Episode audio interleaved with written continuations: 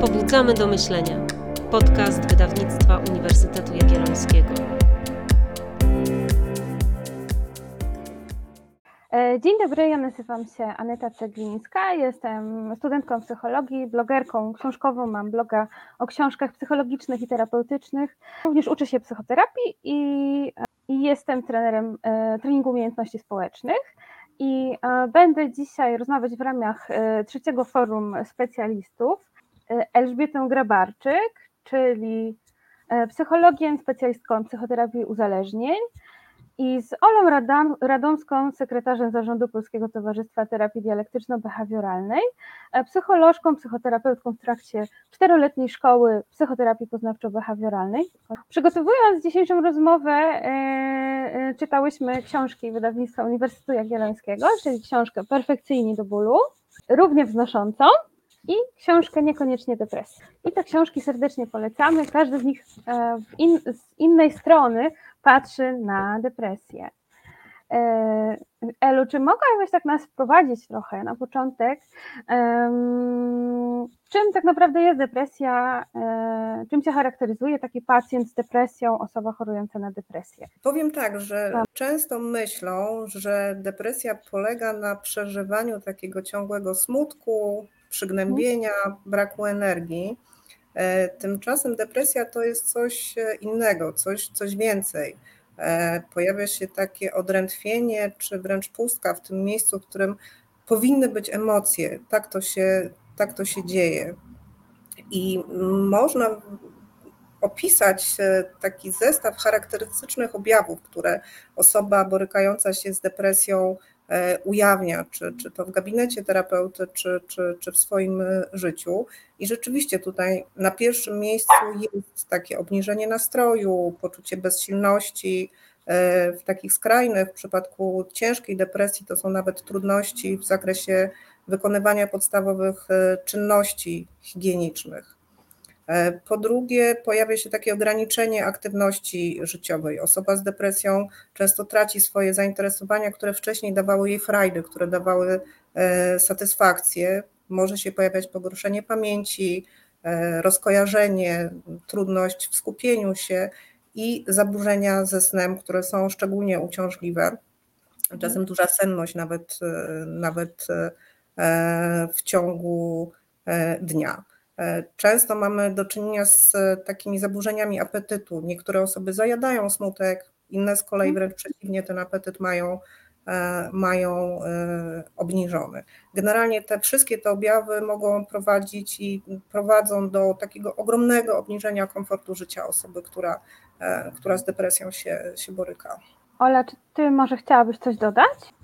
Tak się zastanawiam, że też często takim objawem, czy taką trudnością, z którą też pacjenci z depresją się zgłaszają i jakoś deklarują, jest też utrata libido, czyli mhm. trudności w takich relacjach partnerskich generalnie.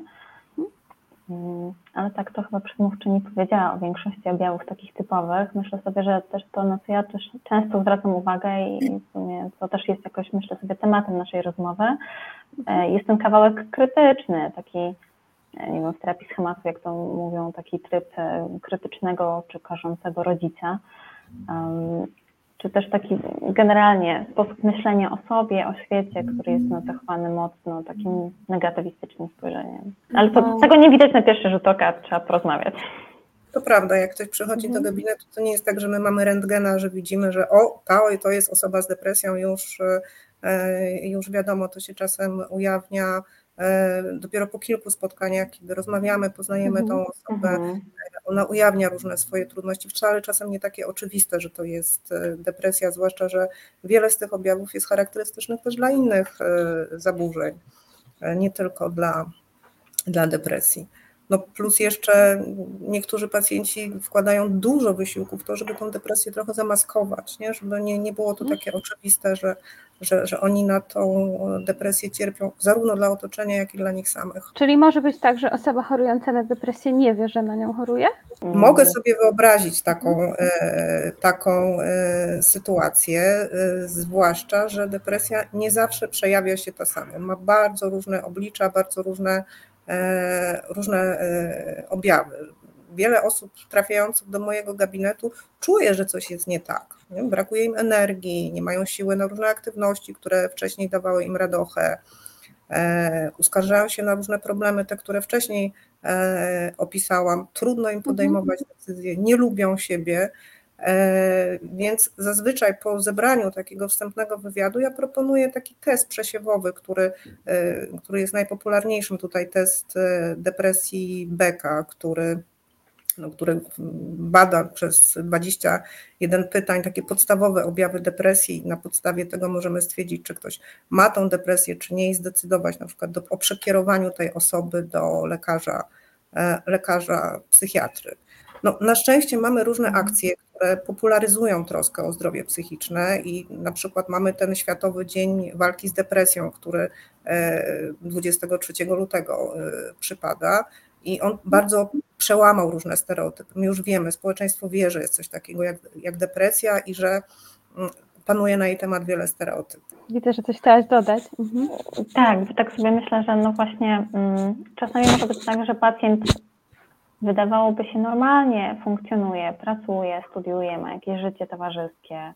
E, tym, co może być też takim sygnałem niepokojącym, mm, który czasem e, sprawia, że ludzie zgłaszają się właśnie z tym problemem, jest na przykład rozdrażnienie, czy jakieś takie większe mhm. przeżywanie stresu, jakichś życiowych wyzwań. Więc tutaj też ten kawałek myślę sobie jest warty zauważenia. No, zwłaszcza to taka, taka niewiedza, że, że choruje na depresję, dotyczy osób, które chorują na tak zwaną e, perfekcyjnie ukrytą depresję, tą, mhm. o której tutaj e, piszę, e, można przeczytać w książce Perfekcyjni do, do bólu, bo pacjent, mhm. który cierpi na tą odmianę depresji, w ogóle nie rozpoznaje swojego stanu jako, jako depresyjnego. No bo co, no ludzie cierpiący na depresję są smutni, nie mają energii, a ten ktoś pracuje od rana do wieczora, stara się perfekcyjnie mhm. sprostać oczekiwaniom, jest e, świetnym pracownikiem, staje na głowie, żeby być dobrym rodzicem, doskonałą przyjaciółką, jakby nie, nie, nie widzi, że w tle może być właśnie właśnie depresja. A w depresji też występują takie charakterystyczne zniekształcenia poznawcze. Czy mogłybyście o tym trochę więcej opowiedzieć? Myślę sobie, że dużo zniekształceń i część z nich pewnie powtarza się też w innych e, zaburzeniach, innych trudnościach. Jest między innymi jakieś takie czarno-białe widzenie, czyli jest takie wszystko albo nic, albo jestem po prostu totalnie świetny, albo jestem beznadziejny, czy też są jakiś taki kawałek perfekcjonistyczny, perfek tak, perfekcjonizmu. Mm, mamy też takie etykietowanie, właśnie nadawanie sobie, że jestem jakiś, różnych epitetów, mm, często mało przyjemnych. Czy też mamy ten kawałek taki, takiej generalizacji, czyli jeżeli jedna rzecz mi się nie uda, no to już po prostu wnioskuję sobie na podstawie tego na temat całego mojego życia, czy większości mojego życia, jakichś relacji i innych rzeczy. Mm, tak myślę sobie też, to widzenie przyszłości jest wtedy raczej w takich czarnych barwach, więc mamy tutaj takie przewidywanie tej przyszłości. A propos tego, jak będzie, też czytanie ludziom w myślach. Chociaż, no właśnie, te różne zniekształcenia, one się pojawiają, ale też mogą się pojawiać przy innych zaburzeniach więc nie ma tak, że e, jest jakieś tylko i wyłącznie w depresji, mhm. ale szereg z nich e, jest i można na nie zwrócić uwagę. No tak, bo takie zniekształcenia poznawcze, czy, czy inaczej błędy poznawcze, one w zasadzie każdy z nas je czasami ma. To nie jest tak, że mhm. one są charakterystyczne dla osób, e, osób borykających się z depresją. To są takie nawyki myślowe, które najczęściej kształtują się dość wcześnie w naszym w naszym dzieciństwie i dotyczą siebie samego, relacji z ludźmi, czy w ogóle reguł rządzących, e, rządzących światem. E, to, co myślę jest tutaj charakterystyczne, że u osób cierpiących na depresję można stwierdzić coś takiego, co się nazywa triadą depresyjną. Mhm. Czyli występują takie negatywne myśli dotyczące samego siebie, otoczenia, świata, ale też, też właśnie E, właśnie przyszłości. Pojawia się takie katastrofizowanie, że taka osoba skupia się e, często na nawet mało prawdopodobnym, ale najgorszym z możliwych scenariuszy mhm. wydarzeń i wręcz ma takie subiektywne poczucie pewności, że na pewno zdarzy się najgorsze i, i, i, i najtrudniejsze. Mhm. Często też, często też się pojawia, ja bym to powiedziała, takie nadużywanie imperatywów. To zwłaszcza u osób z tą perfekcyjnie ukrytą depresją, bo one mają wtedy taką bardzo sztywną, wręcz niezmienną koncepcję na temat tego, jak się muszą zachowywać, jak się powinny zachowywać, jaką osobą mm. mają być. I jeśli to się nie udaje, a no jesteśmy ludźmi, więc często nam się różne rzeczy w życiu nie udają, przeżywają to jako klęskę, mają poczucie winy, wstydu, czy, czy nawet wstrętu takiej E, nienawiści do siebie, bo mają taką ogromną potrzebę sprostania bardzo e, wygórowaną, wygórowanym standardom. Nie? To takie osoby bardzo często mm. E, mówią muszę, powinienem. Nie? Mm. tam nie ma, nie ma miejsca na chcę, jest bardzo dużo takich powinności. Też myślę sobie, że jeszcze jednym takim, które jakoś przychodzi mi do głowy teraz, to jest takie w ogóle pomijanie jakichkolwiek pozytywnych cech w sobie. Czyli to jest mhm. właśnie to spojrzenie, że widzę tylko to, co gdzieś tam najgorsze, co mi się nie podoba, co trzeba poprawić, właśnie wszystkie musze, których nie spełniam, jakby nie dostrzegam tych muszek, które spełniam być może, albo tego, co dzieje się dobrego w moim życiu.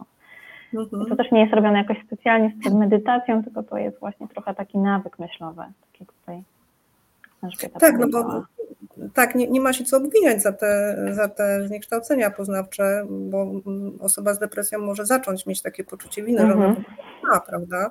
Ale to nie jest niczyja wina, to jest tak, że po prostu tak pracuje mózg e, w depresji. Ten Alex Korb, autor e, równie wznoszący, on pisze tam w którymś momencie swojej książki, że e, mózgi osób z depresją są wręcz ukierunkowane na, na wyłapywanie takich negatywów zarówno w przeszłości, jak i, jak i w życiu e, e, w życiu, życiu obecnym. On, on mówi o tym, że, że ta depresja to jest wynik takiej słabej komunikacji między odpowiadającą za nasze myślenie, takie racjonalne planowanie korą przedczołową, e, a układem limbicznym, który z kolei jest odpowiedzialny za emocje. emocje. Dwa układy się nie dogadują i, i efektem tego może być właśnie, czy jest depresja. Czasami można być też zmęczonym na przykład i pomyśleć, że to jest e, depresja. I tutaj e, pomyślałam o książce Niekoniecznie depresja. E, I chodzi mi o to, mm, że czasami ludzie mają mm, na przykład problemy z tarczycą, z hormonami. Po czym poznać, czy to są mm, problemy z tarczycą, czy z jakimiś hormonami, czy na przykład przepracowanie, a czy to jest depresja? Mhm. Myślę sobie, że taki w ogóle pierwszy krok przy diagnozowaniu depresji, no to jest wykluczenie innych e, schorzeń, takich też fizjologicznych typowo, jak właśnie problemy z tarczycą. I nie wiem, jak pacjenci się na to zapatrują, ja jestem z tych terapeutów, co najpierw wysyłają na wszelkie możliwe badania. I dopiero wtedy możemy myśleć, co dalej, że okej, okay, możemy sobie też pomóc, współpracować, jakoś wspierać, e, E, żeby tutaj jakoś pomóc e, pacjentowi w tym, e, co jest, a równocześnie trzeba wykluczyć i zadbać też o te bardzo takie somatyczne rzeczy. No bo to będzie nam wpływać na nastrój, tak? No, jesteśmy jednak połączeni i umysł i ciało współpracują. To bardzo, bardzo ściśle.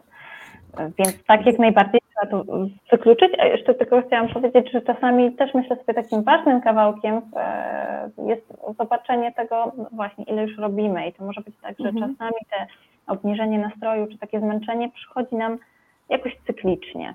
I mhm. wtedy też warto zwrócić uwagę, czy przypadkiem jakoś nie mieliśmy bardziej intensywnego czasu, czy co było wcześniej. Też nie wykluczam, że w takim też czasie, kiedy jesteśmy jakoś bardzo zmęczeni i podejrzewamy u siebie depresję, dobrze jest zerknąć jednak e, na siebie, nawet e, korzystając na przykład ze skali Becka, takiej mm, mhm. jakby, nie wiem jak to powiedzieć, spopularyzowanej, którą często można znaleźć na różnych stronach, żeby się zorientować tak. nawet, nie? Czy skorzystać z pomocy specjalisty? Można, to nie jest jakby nic strasznego, e, ale też czasami tak może być, że gdzieś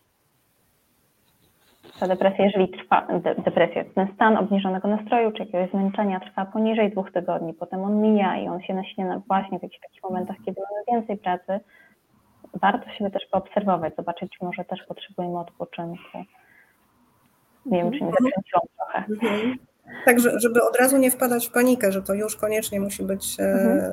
być e, depresja czasem rzeczywiście może się okazać, że jesteśmy po prostu przemęczeni, nadmiernie zestresowani i że relaks, urlop, jakaś relaksacja tutaj bardzo, bardzo, bardzo pomogą. Ale rzeczywiście jest niezwykle istotne to, co Ty powiedziałaś, bo E, często zapominamy, że u podłoża tych objawów depresyjnych e, są kwestie fizjologiczne, tego jak funkcjonuje e, organizm, nie? że to rzeczywiście mogą być zaburzenia tartyczy, tarczycy, Hashimoto, insulinoodporność, różne inne rzeczy, które się dzieją z organizmem, więc ja podobnie w momencie, kiedy coś takiego się dzieje, to żeby wykluczyć takie dolegliwości, no to najpierw wysyłam pacjenta do do endokrynologa, żeby przebadać go na, na wszystkie możliwe strony i stwierdzić, że rzeczywiście od strony fizjologicznej wszystko jest ok, możemy iść w stronę mhm. takiego rozpoznania, że to, e, że to jest depresja, a nie że komuś e, hormony tarczycy świrują i ja będę z nim pracować e, na temat nie wiem, zmiany jego myślenia, a tak naprawdę to organizm szwankuje, a nie myślenie. A czy można się z depresji wyprowadzić samemu z pomocą właśnie książek takich jak na przykład równia wznosząca, czy perfekcyjni do bólu, czy niekoniecznie depresja, czy zawsze jest potrzebna pomoc specjalisty, czy książki wystarczą czasami? Może Ola?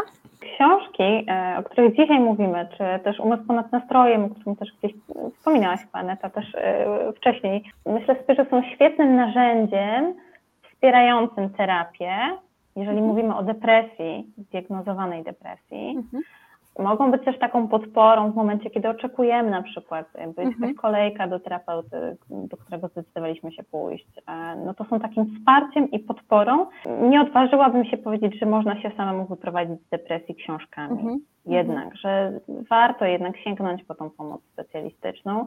E, to nie jest nic strasznego, naprawdę. Tutaj jak jesteśmy, nawet macie szansę zobaczyć pewnie na tym w ogóle forum e, różnych specjalistów, że my nie jesteśmy tacy straszni, nie gryziemy i jesteśmy po to, żeby pomagać. Ja, ja myślę, że to co, to, co tutaj jest e, istotne, to rzeczywiście, że mm, no, niestety w Polsce mamy taką sytuację, że jest niezwykle mało lekarzy psychiatrów. Takim podstawowym zaleceniem jest, żeby się mhm. udać do specjalisty, do, e, do terapeuty czy, czy do psychiatry. Natomiast my w Polsce mamy, ja sobie zebrałam te, te, te dane, mamy zaledwie 4200 e, psychiatrów na nas wszystkich.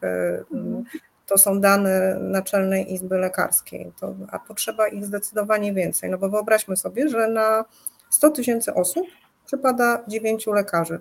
Te kolejki będą ogromne po prostu, więc mhm.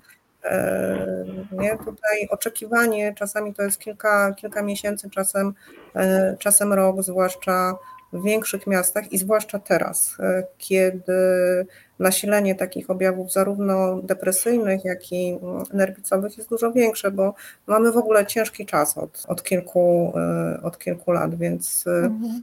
to, to, to tutaj na to, na to warto zwrócić, zwrócić uwagę. Natomiast ja podobnie tak jak Ty nie sądzę, że sama książka jest w stanie wyprowadzić kogoś z depresji, no, być może z handry, być może z jakiegoś stanu obniżonego nastroju, który jest, jest przejściowy, natomiast na pewno nie pomogą w przypadku ciężkiej, e, ciężkiej depresji, która tam w tej skali Becka ma tam od 26 do 63 3 e, punktów. No nie ma, nie ma po prostu szans. Będą pomocne, warto się nimi wspierać, e, natomiast mogą się okazać niewystarczające, kiedy na przykład konieczna jest farmakoterapia, kiedy trzeba hospitalizacji, E, nie? Autor książki, nawet najlepszy, nie wystawi recepty na leki antydepresyjne. Natomiast e, na pewno jest to świetne wsparcie, kiedy ktoś podejmie psychoterapię i chce jakby dodatkowo sobie coś zrobić, wykorzystać jakieś fajne, e, ciekawe ćwiczenia, bo te książki są ich, ich pełne, więc warto się ich na nich, na nich opierać. Nie? Alex Korp w tej równi wznoszącej on pisze coś takiego, że depresja to jest taki bardzo stabilny stan, że mhm. mózg y, myśli i działa w sposób, y, który tą depresję podtrzymuje. Tworzy się takie błędne, e, błędne koło e, równia pochyła wtedy, nie? że wszystkie zmiany życiowe, które mogłyby takiej osobie pomóc e, pozbyć się depresji, wydają się komuś takiemu zbyt trudne, no bo okej, okay, ćwiczenia, które wpływają na poprawę samopoczucia, aktywują serotoninę, ale osoba w depresji nie ma na nich ochoty, na nie ochoty albo nie ma na nie siły po prostu. Nie? Mówimy przespanie całej nocy tutaj reguluje rytmy dobowe i, i, i też porządkuje,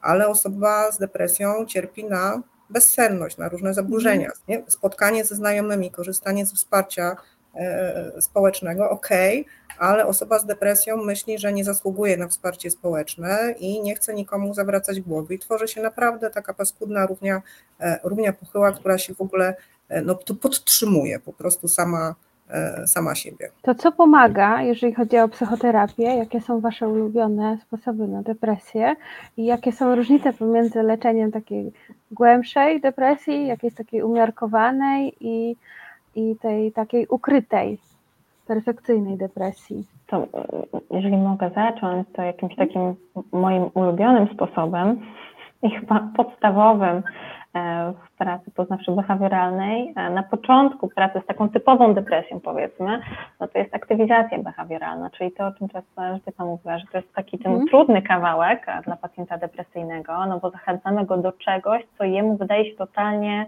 trudne, być może sprzeczne z impulsami, które podsyłają emocje smutku, takiego wycofywania się z aktywności, właśnie zachęcam do tego, żeby te aktywności się pojawiły, no bo mhm. bez e, tych wzmocnień trochę wpada właśnie pacjent w to błędne koło, które utrzymuje lub nawet obniża jego nastrój. Więc zachęcamy do aktywności, które są przyjemne, które są satysfakcjonujące, które wzmacniają i motywują do dalszego działania i to jest taki pierwszy etap e, przy mhm. klasycznej depresji. Przy tej perfekcyjnie ukrytej depresji właśnie mamy do czynienia z ludźmi, którzy raczej robią za dużo, więc mhm. e, pewnie zaczynam albo zaczęłabym, e, zastanawiam się, czy mogę powiedzieć, czy mam takich pacjentów perfekcyjnie ukrytych, od tego, żeby jednak przegadać, jakie przekonania stoją za tym, co tutaj takiego się zadziewa, czy nie ma właśnie tych imperatywów, tak zwanej trzebofilii, ja to tak nazywam, czy można byłoby jednak trochę poeksperymentować nierobieniem tych rzeczy, jakoś akceptować ten dyskomfort, który może się z tym razem pojawiać. Więc e, trochę czuję, że u mnie wychodzi to miks może tej poznawczo-behawioralnej i dialektycznej, ale e, taki kawałek bym rozróżniła, czyli właśnie przy klasycznej depresji raczej aktywizacja, przy perfekcyjnie ukrytej raczej testowanie tego, jak by było robić mniej albo mniej perfekcyjnie, może coś w ogóle zrobić na 50%, albo zrobić coś w ogóle od czapy. E, i trochę mhm. akceptować, tolerować to, że te rzeczy są e, nieidealne. Na przykład uwielbiam takie ćwiczenie dla pacjentów a propos nieoceniania siebie w robieniu różnych rzeczy, rysowania niedominującą ręką krowy. E, myślę sobie, że to jako jedno z takich ćwiczeń, powiedzmy, uważności, nieoceniania, akceptowania tego, że no, no to będzie nieidealne i takie ma mhm. być. To, to mi przyszło teraz na myśl a propos tych różnic między tymi dwoma E, depresjami. Co do depresji ciężkiej, e, myślę sobie, że tutaj warto byłoby też rozważyć z lekarzem psychiatrą nawet hospitalizację, bo często bywają już takie mhm. momenty, kiedy pacjent jest w naprawdę sporych trudnościach. Warto rozważyć i ocenić też ryzyko samobójcze i zadbać o bezpieczeństwo tego mhm. pacjenta. Więc tutaj taki kawałek dochodzi i ja też jestem z tych, którzy jakoś lubią współpracować właśnie z psychiatrami i mhm. e, zachęcam do tego, jeżeli jest taka potrzeba, żeby sięgnąć po farmakoterapię. Oczywiście w konsultacji z lekarzem. Elu, a jak to wygląda u Ciebie, jeżeli chodzi o Twoje ulubione sposoby? Ja myślę, że to, to rozróżnienie, e, które tutaj już, e, już padło między klasyczną depresją a perfekcyjnie ukrytą depresją jest E, jest bardzo ważne, no bo mhm. w takiej klasycznej depresji to ja, ja powiem teraz coś, co być może będzie ogromnym uproszczeniem, ale, mhm. e, ale myślę, że można powiedzieć, że klasyczna depresja oznacza taki brak żywotności, brak, e, brak energii. E, I tutaj rzeczywiście cel jest taki, żeby przywrócić łączność tego pacjenta ze światem zewnętrznym, umożliwić mu takie ponowne zaangażowanie się e, w życie rodzinne, życie towarzyskie, pracę zawodową, żeby wrócił do świata. Natomiast w przypadku perfekcyjnie ukrytej depresji, osiowe, e, osiowy problem to jest brak samoakceptacji, taka ogromna, wielka surowość wobec, e, wobec e, samego siebie. I co się może podziać, nie? Że, że, że to zmęczenie, takie poczucie samotności, brak samoakceptacji, one mogą się rzeczywiście pogłębiać i, i tworzyć taką równie pochyłą. I na przykład pod wpływem jakiejś e, nagłej sytuacji stresującej czy przewlekłej sytuacji stresującej e, zaowocować no, klasyczną, taką kliniczną e, też, e, też, e, te, też depresją. I rzeczywiście w terapii takiej perfekcyjnie ukrytej depresji, ale chyba w ogóle w depresji, no to jest zrewidowanie takich mocno usztywnionych e, e, przekonań, zastąpienie ich nowymi, bardziej konstruktywnymi, akceptującymi, e, ale też takie powiedziałabym odzyskanie w ogóle kontaktu ze swoimi emocjami, które są tam mocno, mocno za, zagruzowane, prawda, że to nie, nie, ma z nimi, nie ma z nimi kontaktu. No bo zobaczmy, nie, w przypadku takiej perfekcyjnie ukrytej depresji, no taka osoba po pierwsze e, dąży do absolutnej perfekcji, ma takie przesadne poczucie odpowiedzialności, e, ma tendencję do ogromnego zamartwiania się, taką potrzebę samokontroli, kontrolowania siebie, swojego otoczenia, e, skupia się na zadaniach, troszczy się często o inne osoby, zupełnie pomijając siebie. E, lekceważy w ogóle swoje zranienia i smutek, więc tutaj ja bym zachęcała wtedy taką osobę do takiego zatroszczenia się po prostu e, o siebie, jakiejś takiej większej wyrozumiałości i mm, niekoniecznie bycia dla siebie takim e, emocjonalnym treserem, takim, takim katem, bo często właśnie takie osoby są dla siebie takimi katami. Ja bym powiedziała tak, że w dowolnej depresji warto być dla siebie samego i dla swojego e, mózgu takim e, miłym opiekunem. To trochę mhm. tak, jak e, ja bym to porównała, to chyba Korb używa też takiego w swojej książce takiego porównania, jak, jak ktoś byłby dla takiego słodkiego, małego, puszystego szczeniaczka, którego chce nauczyć, nie wiem, nowych sztuczek, nauczyć go nowych umiejętności, no bo terapia na tym polega, na uczeniu naszego mózgu nowych umiejętności, więc stresowanie tego szczeniaka, krzyczenie na niego, bycie surowym, ale nie pomoże, nie? Tak mówiąc w skrócie, no co zrobi szczeniak, kiedy się zestresuje? No sika się na podłogę, prawda? Na pewno nie nauczymy go niczego, e, niczego konstruktywnego, prawda? Więc e, tak, ja często moim pacjentom proponuję dzienniczek depresji. Polega to na tym, że e, w takiej specjalnej tabeli monitorują swoją aktywność w ciągu dnia, w ciągu kolejnych godzin, od momentu obudzenia się rano do momentu zaśnięcia, co się dzieje o 7, 8, 9, 10. Monitorują swoją aktywność i sprawdzają, jak wygląda wtedy ich nastrój, jaki ma poziom, powiedzmy w skali od 0 do, do, do 10. I po pewnym czasie udaje się wyłapać pewien wzór, jakie aktywności powodują E, wzrost e, samopoczucia, co sprawia, że ktoś się czuje lepiej, a co z kolei go przygnębia, mówiąc tak kolokwialnie, e, dołuje. To nam trochę ukierunkowuje potem właśnie też, też terapię, bo możemy jakby aktywować bardziej pacjenta do, do, do, do tych, tych działań, które właśnie mu tą, to, to samopoczucie poprawiają. Więc ja od tego zazwyczaj zaczynam, żeby zobaczyć, co tam się co tam się dzieje. Okay, a tutaj mamy takie pytanie, e, czy przy depresji, pytanie od e, osoby obserwującej, czy przy depresji endogennej warto także podjąć psychoterapię, czy, czy raczej jedynie leki? Można podjąć terapię również. Jakby, mm, myślę sobie, że na pewno leki to jest jakby pierwsza rzecz, najważniejsza, jeżeli mamy do mhm. czynienia z depresją endogenną, na przykład spowodowaną właśnie problemami z tarczycą. E, ale z drugiej strony e, psychoterapia też może pomóc trochę w jakimś takim, mm, nie wiem, zrozumieniu siebie, czy właśnie zaakceptowaniu tego, że ta choroba mhm. gdzieś jest, występuje u nas, jak sobie radzić z tymi bieżącymi nastrojami i problemami, tak? No bo e, no właśnie, w terapii też uczymy się różnych umiejętności radzenia sobie, czy takiego przeżywania, doświadczenia emocji w sposób bezpieczny i zdrowy. Więc jak najbardziej można. Myślę sobie, warto, tak, ale leki to jest podstawa jednak tutaj, zadbanie o siebie od tej strony medycznej. Można czy trzeba? To jest myślę ważne dla niektórych pacjentów. Myślę, że szczególnie w przypadku takich, którzy, którzy no, nie radzą sobie dobrze finansowo i czasami jest im mhm. łatwiej pójść po leki do psychiatry, e, niż pójść na psychoterapię.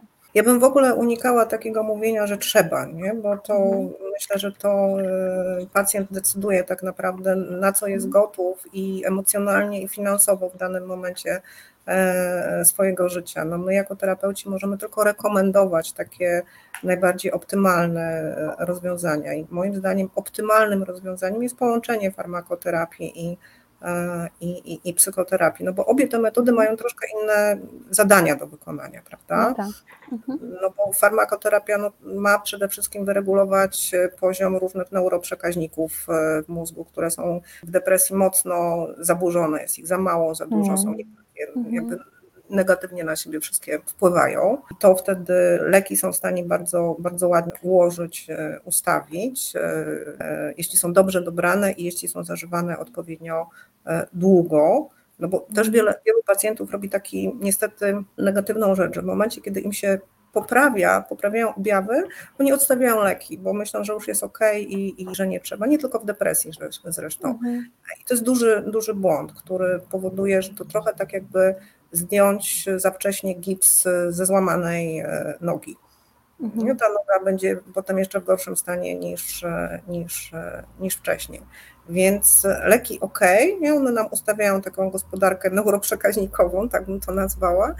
Natomiast psychoterapia, zwłaszcza w przypadku takich depresji, no, myślę, że może być bardzo ważnym elementem tutaj do, do, do poprawy sobie jakości życia, bo no, osoba w depresji często ma bardzo negatywne myślenie na swój własny temat.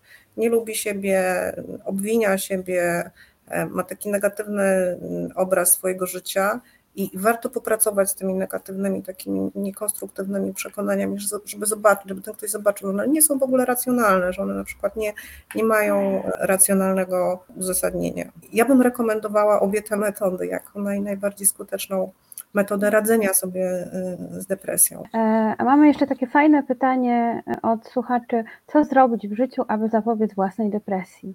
Piękne, piękne pytanie, to takie trochę e, z, takie z nadzieją, że, że możemy kontrolować własne życie. Nie wiem, czy to jest możliwe w takich 100%, że my możemy na pewno depresji uniknąć, jeżeli będziemy stosowali jakieś, jakieś metody. Natomiast na pewno e, poprawimy jakość swojego życia i być może zmniejszymy prawdopodobieństwo, że ta depresja nam się, nam się przydarzy. Generalnie myślę, że wszelkie pozytywne zmiany w życiu mogą nam spowodować pozytywne zmiany w naszych, w naszych mózgach, e, aktywować takie zdrowe, powiedziałabym, ustawienie obwodów e, nerwowych i jakby zmienić to, to błędne koło na takie bardziej, bardziej pozytywne.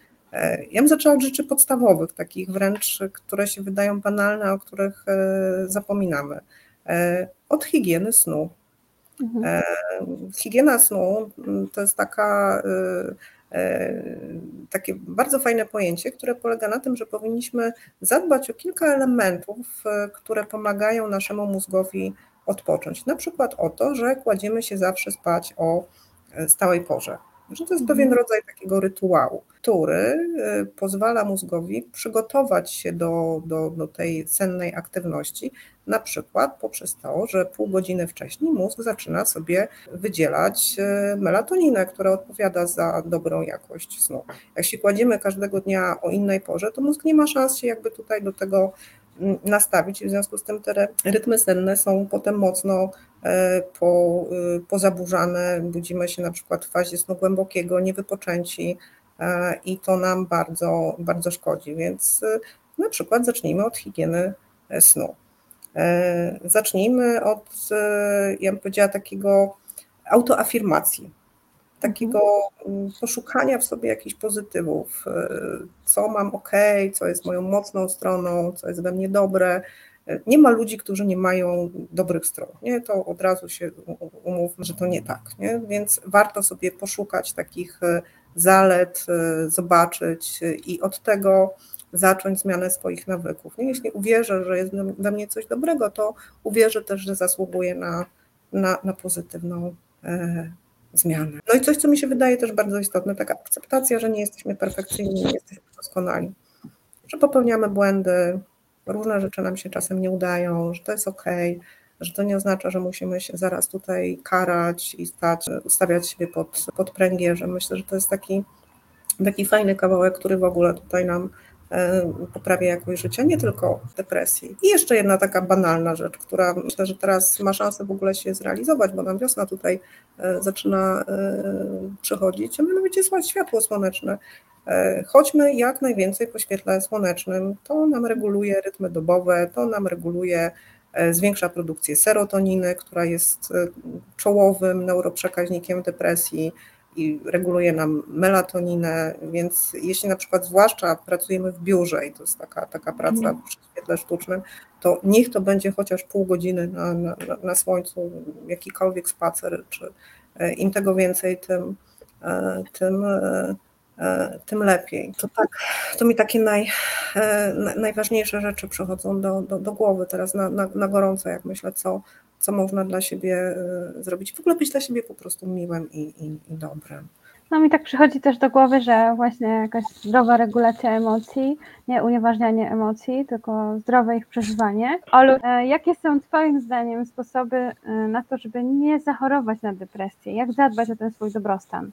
myślę sobie, tak jak e, w ogóle Ela mówiła w pewnym momencie o tym dzienniczku depresji, tak pomyślałam, że każdy człowiek mógłby zwrócić uwagę na to, jakie aktywności podejmuje, e, jak e, one na niego wpływają i też tak, mm, tutaj jakoś bardzo mi się podoba w ogóle ta teoria terapii akceptacji i zaangażowania w tym, w tym mhm. temacie, czyli takie życie w zgodzie ze swoimi wartościami, angażowanie się w realizację tych wartości. E, zamiast unikania pewnych emocji, unikania pewnych stanów, e, uciekania przed nimi na przykład, albo zatrzymywania się, czy w ogóle robienia czegoś zupełnie sprzecznego, tylko właśnie raczej e, działanie zgodnie z tym, co jest dla nas ważne, bo jak pokazują w sumie też nawet badania, to sprzyja temu, żeby czuć się jakoś bardziej usatysfakcjonowanym w życiu, nawet jeżeli czasem jest ciężko. I też druga rzecz, która mi przychodzi do głowy, to um, też umiejętność trochę odklejenia się od swoich myśli, również tych krytycznych na temat siebie mhm. i raczej um, skupienie się na faktach, na tym, co jest, a nie na tym, co mój umysł mi podpowiada, bo nie zawsze on podpowiada dobrze. Nawet jeżeli mhm. gdzieś tam szczerze w to wierzymy i wydaje nam się, że to jest to, okej, okay, sprawdźmy fakty i wtedy działajmy zgodnie z nimi. Tak, ja często powtarzam e, moim pacjentom, nie wierz we wszystko, co myślisz. Tutaj jeszcze e, e, jedna osoba ze słuchaczy chciałaby wrócić do tematu leków. Pyta na takiej zasadzie, że spotkałaś się ze stwierdzeniem, że leki przeszkadzają w psychoterapii, bo zamykają dostęp pacjenta, klienta do emocji. Co Pani o tym sądzą? Nie uważam tak, że leki zamykają i uniemożliwiają psychoterapię. Dla, dla wielu moich pacjentów one umożliwiają w ogóle psychoterapię, mhm. E, takie osoby często trafiają niestety do, do gabinetu w stanie no, kiepskim, tak mówiąc e, potocznie, że my możemy proponować różne aktywności, ale ich podjęcie będzie mocno w ogóle utrudnione, bo ta depresja już jest na takim no, no, głębokim, e, głębokim poziomie, więc bez leków się tutaj po prostu nie obędzie, żeby ten człowiek w ogóle był w stanie w ogóle podjąć jakąkolwiek aktywność, a często w ogóle dotrzeć na terapię więc y, one bardziej umożliwiają leczenie niż, niż y, utrudniają. Myślę, że warto być po prostu w kontakcie z lekarzem swojego pacjenta, żeby z nim mhm. rozmawiać o tym, co się, tak. e, co się dzieje, co pomaga, co przeszkadza, więc absolutnie nie, nie przeszkadza. To, to, tak jak mówiłam, to się uzupełnia, to się powinno uzupełniać. Ja też tak jak mówiłam, to jest raczej u mnie standard, że odsyłam pacjentów też do lekarzy, żeby jednak e, to leczenie było dwutorowe. Jakoś mam takie poczucie, że też przy pacjentach nastoletnich e, pomagają leki o tyle, że ten efekt pierwszy w terapii jest szybciej. I to jest mhm. tak nagradzające, wzmacniające dla pacjenta, a można iść wtedy dalej. Szczególnie właśnie u tych pacjentów nastoletnich jakoś myślę sobie to bywa pomocne.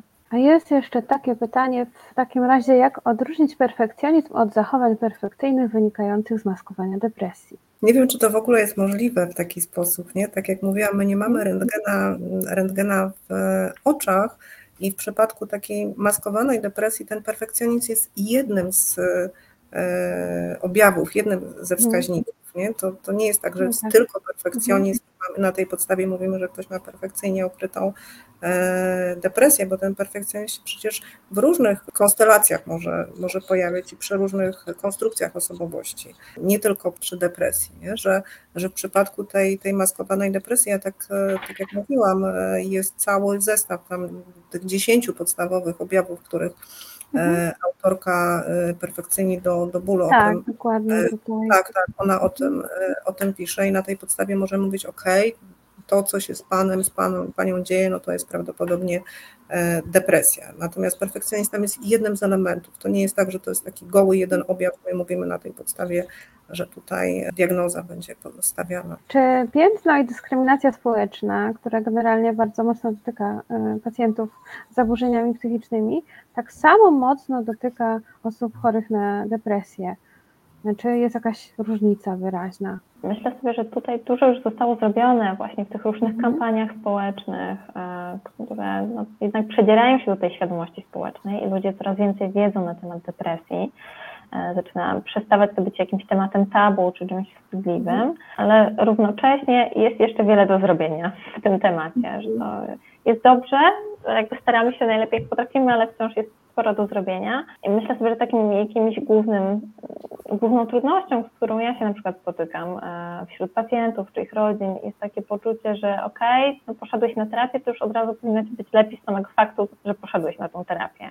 Czy często pacjenci spotykają się z jakimiś takimi określeniami, że być może ktoś jest leniwy, przewrażliwiony, albo po prostu weź się w garść, nie? Że to są e, słowa, które jeszcze wciąż padają i myślę sobie, że to jest taki kawałek, na który warto byłoby zwrócić uwagę w tych dalszych kampaniach, czyli jak najbardziej edukować społeczeństwo, jak w ogóle rozmawiać z osobą w depresji, żeby jej faktycznie pomóc, a nie przeszkadzać, czy dokopywać w jakiś sposób, dodawać temu krytycznemu głosowi kolejnych argumentów. I też tak sobie pomyślałam teraz, że generalnie dla bliskich e, osób z depresją jakoś gorąco zawsze polecam e, treningi Family Connections, które są bezpłatnymi treningami. E, No to właśnie tam też można nauczyć się tych różnych umiejętności, właśnie takiego uprawomocnienia drugiej osoby, czy zrozumienia, skąd różne zachowania mogą się brać, też jak nie wzmacniać tego, co nie jest do wzmocnienia, czyli czy jakich zachowań e, chcielibyśmy pomóc pozbyć się osobie, na której nam zależy, która być może choruje na depresję, a jak pomagać jej budować zdrowsze dla siebie nawyki. Dla siebie, nie dla nas, nie? To też jest myślę sobie ważne w rodzinach. Tak, bo niestety wciąż się zdarza, że, że, że te osoby spotykają się z takimi oce- ocenami, o których tutaj mówiłaś, nie? że jesteś leniwy, nie chce się, nie chce ci się, potrzebujesz się tylko wziąć e, w gaś, ale to wynika z takiej kompletnej niewiedzy na temat tego, czym jest depresja i jak bardzo ona jest e, e, poważnym zaburzeniem, że to nie jest żart, to nie jest lenistwo, to nie jest niczyj kaprys. Nikt, kto ma depresję, nie, nie ma jej dlatego, że sobie tak wymyślił i że chce ją mieć. E, A jest jeszcze takie pytanie, czy jest tak zwana depresja sezonowa? Myślę, że można tak powiedzieć, nie? że biorąc pod uwagę to co, to, co mówiłam trochę wcześniej tutaj o wpływie mm, choćby słońca na, na, na nasze funkcjonowanie, czyli na wydzielanie serotoniny, melatoniny, można o czymś takim mówić, bo wiele osób na przykład jesienią mm, jakby regularnie rok w rok przeżywa takie pogorszenie nastroju, które w momencie, kiedy zaczyna się wiosna, ono, ono samoistnie sobie przechodzi, więc myślę, że można, można coś, takiego, e, coś takiego powiedzieć, ale to jest bardziej na taki użytek, powiedziałabym, funkcjonalny, nie? żeby wiedzieć, że, że, że, że, że, że mamy coś takiego, że możemy się z tym borykać, niekoniecznie jest to takie rozpoznanie kliniczne, Bardziej taka nazwa zwyczajowa, niekoniecznie e, rozpoznanie Mhm. psychiatry. A z jakimi zaburzeniami najczęściej współwystępuje depresja? Jak to zazwyczaj wygląda? No, tu jest cały zestaw, z których nie- niektóre są w ogóle objawami depresji, ale niektóre po prostu towarzyszą. Ja jako terapeutka uzależnień też bardzo często spotykam się z uzależnieniami wynikającymi, Mhm.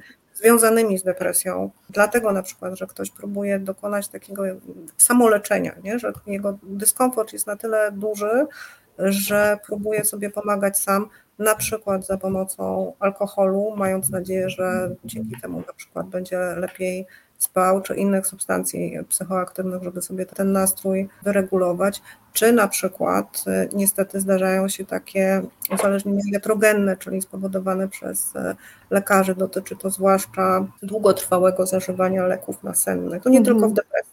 nie? natomiast e, że, że, że wiele leków nasennych, które by były, powinny być zażywane doraźnie, na przykład jak benzodiazepiny, one są przepisywane chronicznie pacjentom, prowadząc do uzależnienia. I potem mamy dwa problemy, bo mamy i depresję, i uzależnienie od, od leków, na przykład, czy uzależnienie od alkoholu, więc problem nam się, nam się komplikuje, bo pytanie, czym się, czym się zajmować wcześniej, kiedy oba te zaburzenia są bardzo poważne. Myślę sobie, że no bardzo często występują zaburzenia lękowe jako taki pakiet z zaburzeniami depresyjnymi czy generalnie jakieś somatyzacje, właśnie trudności takie na przykład bólowe. To, z czym ja też często się spotykam, to takie, ja to no właśnie nazywam to takim narastaniem problemu, że depresja jest to dopiero na tym. I pierwotną na przykład trudnością, z którą pacjent się borykał, było ADHD, potem gdzieś tam w ciągu życia pojawia się depresja jako objaw, no bo cały czas jest to na przykład niespełnianie różnych standardów otoczenia, no bo człowiek się po prostu zachowuje mhm. trochę inaczej, czy myśli trochę inaczej, inaczej funkcjonuje i to bywa takim podłożem do rozwoju depresji, czy zaburzenia ze spektrum autyzmu. Tutaj też czasami mogą występować jako coś, co było wcześniej, i te osoby często też borykają się później na przykład ze stanami depresyjnymi. Czy też osoby z zaburzeniem osobowości borderline często też doświadczają epizodów depresyjnych. Więc tutaj mamy naprawdę pełen przekrój. Depresja e, często chodzi w tych różnych konfiguracjach czy parach. Czasem zdarzają się też zaburzenia obsesyjno-kompulsywne, jako taki sposób hmm.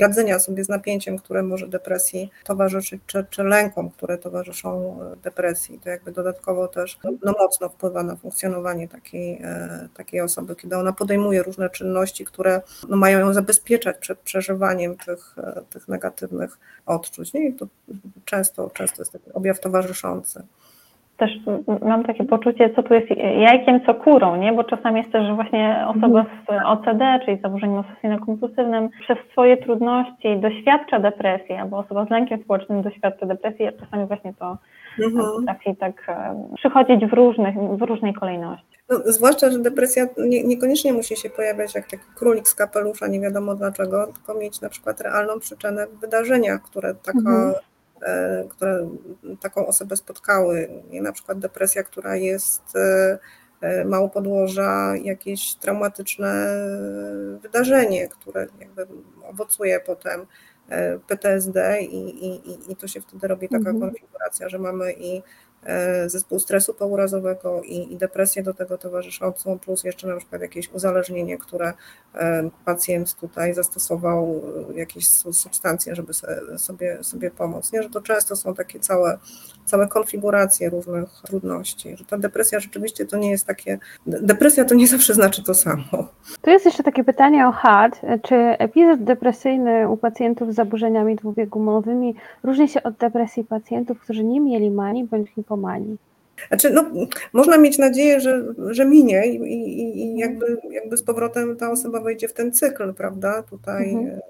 E, hipomanii, depresji, hipomanii, e, depresji. Natomiast pod względem takich objawów e, i, i doświadczeń tej osoby chyba niekoniecznie, tak jak sobie mhm. myślę i jakby przywołuję różnych moich pacjentów.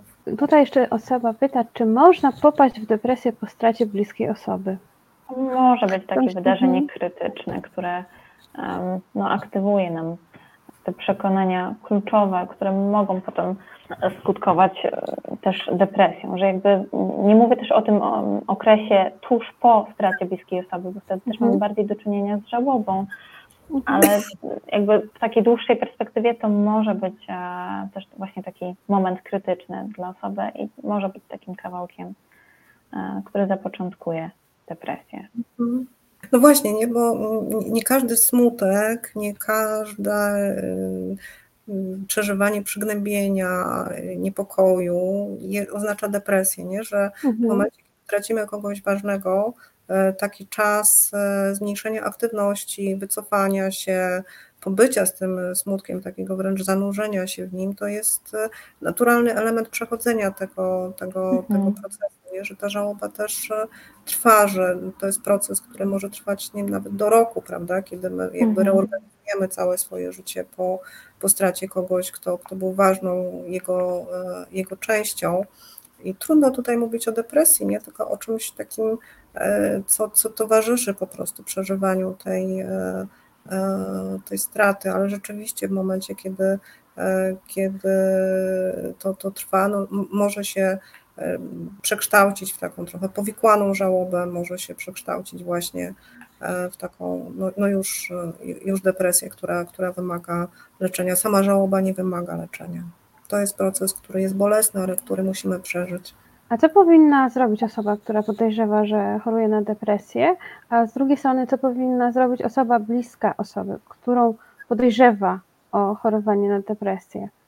Y, Czy jakieś działania może podjąć konkretne z tym związane?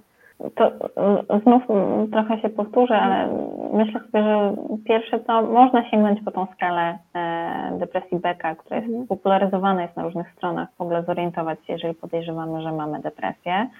Można skontaktować się właśnie ze specjalistą e, i myślę że to jest e, bardzo ważny krok. Jeżeli nie mamy możliwości na początek od razu do lekarza psychiatry czy do terapeuty, psychologa, diagnosty, y, to też można porozmawiać chociażby ze swoim lekarzem rodzinnym na ten temat i tutaj z nim skonsultować swoje objawy, bo lekarz rodzinny też jest tą osobą, która może nam pomóc. A jeżeli jesteśmy osobą bliską, to możemy jakoś wyrazić swoją troskę, e, czy to, że się martwimy o kogoś. Też dopytać, w jaki sposób możemy pomóc, ewentualnie polecić, że hej, może poszukajmy razem specjalisty. Jeśli tak, wspieramy, zachęcamy do zatroszczenia się o siebie, wzmacniamy i broń Boże nie mówimy weź się w garść. No. To, co, to, co myślę, to, to co ważne, to rzeczywiście, że mm, tych lekarzy psychiatrów mamy za mało, Mhm. E, Natomiast e, lekarz podstawowej opieki zdrowotnej jest w stanie e, depresję rozpoznać, jeżeli z nim szczerze, szczerze porozmawiamy, że coś takiego się z nami dzieje i coś takiego nas e, niepokoi. Zresztą e, około 30% e, depresji jest rozpoznawanych właśnie u lekarzy podstawowej opieki zdrowotnej, którzy potem sugerują kontakt z lekarzem, psychiatrą. Myślę, że tutaj ważny też taki kawałek, który warto powtarzać, nie, że do psychiatry nie trzeba skierowania. To jest, Mhm. nie, że to mm, nie, nie jest nie- niezbędne, to nie jest specjalista, który, który wymaga skierowania. Do terapeuty już trzeba. E, Rozmawiałyśmy o zniekształceniach poznawczych, e, charakterystycznych dla depresji, ale tutaj jest takie pytanie mm, trochę mm, o to, co jest wcześniej, czyli jakie kluczowe przekonania mogą wywołać depresję. Wszystkie takie negatywne, nie, które mówią, jestem beznadziejny, do niczego się nie nadaje, Mhm. Jestem okropny, nie zasługuję na miłość, nie zasługuję na Mhm. szczęście, nie zasługuję na sz- szacunek. No, wyobraźmy sobie kogoś, kto żyje z, takim, e, e, z takimi myślami w głowie. No to po prostu trudno nie dostać depresji, jeżeli, jeżeli Mhm. takie myśli towarzyszą nam od bardzo dawna. Przecież te przekonania kluczowe one się kształtują na bardzo wczesnym etapie e, rozwoju, nie? stanowią taki element naszej konstrukcji wręcz e, Mhm. To w zasadzie zaplanowaliśmy godzinę, więc tutaj kończy nam się czas. Na koniec chciałabym jeszcze raz przypomnieć książki, czyli polecamy Państwu bardzo serdecznie Perfekcyjnych do bólu, równie wznoszącą i niekoniecznie depresja. Dziękujemy bardzo. Do zobaczenia. Dziękujemy i do, do zobaczenia. Dziękuję. Pobudzamy do myślenia. Podcast wydawnictwa Uniwersytetu Jagiellońskiego.